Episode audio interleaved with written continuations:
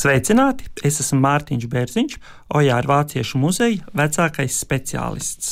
Vai zināji, ka Ojārs Vācietis dzīvoja mājā, kas pirms vairāk kā 240 gadiem celta kā traktieris Jeruzālēmē?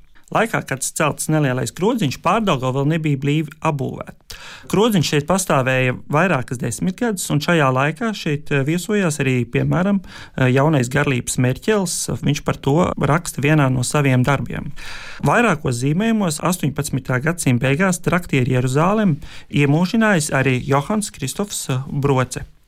Ludmila Zārova, Ojāra vācieša sieva, dzēniece, atcerējusi brocim veltītu dzējoļu ciklu, kas Ojāra vācieša atzējojumā vēlāk arī publicēts. Par mājas vēsturi Ojāram Vācietim izstāstījis komponists un rakstnieks Marģers Zariņš. Viņš arī stāstīja, ka šajā namā savā laikā parādus taisījis komponists Rihards Vāgners.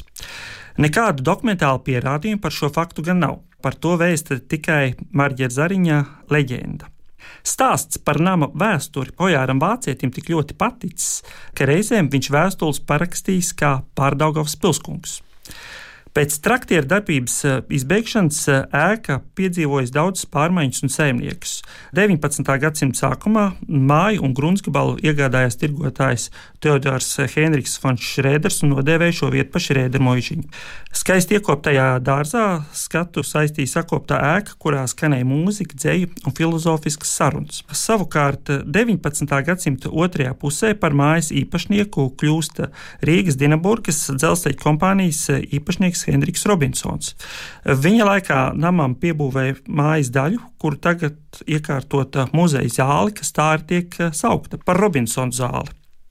20. gadsimta sākumā nams tiek sadalīts dzīvokļos, un 60. gadā eh, viens dzīvoklis ar Rakstnieku savienības palīdzību tiek piešķirts tobrīd jauniem, bet jau atzinību guvušajam dziniekam Ojāram Vācietim. Rakstnieku savienība saka, Dzīvoklis nav pārāk labs, patālu no Rīgas centra, bez centrālā kursa, bez siltā ūdens, bet Ojārs Vācietis ir priecīgs, ticis pats pie sava kārtīga dzīvokļa, pats pie savas kārtīgas mājas. Līdz tam Ojārs dzīvojas diezgan lielā šaurībā.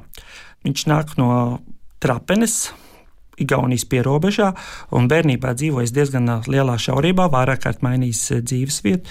Vidusskolā dzīvojis kopmītnēs, augstskolā dzīvojis kopmītnēs, pēc tam dzīvojis vienistabas dzīvoklī Maskavas ielā kopā ar sievu, mazo dēlu un sievas mātu. Ojārs Vācietis raksta vēstulē savam draugam Gunāram Grāvim. Dzīves mantiskajā sektorā ir viena sekojoša lieta. Dzīvoklis man tagad ir 89 km2 liels, un tajā var spēlēt futbolu. Bet pats labākais ir vieta, kurā tas atrodas - starp Māras dīķi un Arkādiju. Pilnīgi brīvā dabā un no galvaspilsētas 15 minūšu braucienā. Ojāram Vācietim šī vieta ārkārtīgi patīk, un arī vēlāk, kad viņam piedāvā dzīvokli daudz jaunākā, labākā mājā, Ojārs Vācietis atsakās. Viņš saka, neiešu jau dzīvot tajā rakstnieku kolhozā. Ojārs Vācietis vienā no saviem dzējojiem raksta: Ja Mārupītas vidū cirkuļsmaili liek un apvelk riņķi, te ir Rīgas centrs. Šajā namā tapusi viņa dzējas lielākā un nozīmīgākā daļa. Dzēnieks šeit nodzīvo līdz pat uh, savai nāvei 1983. gada 28. novembrī.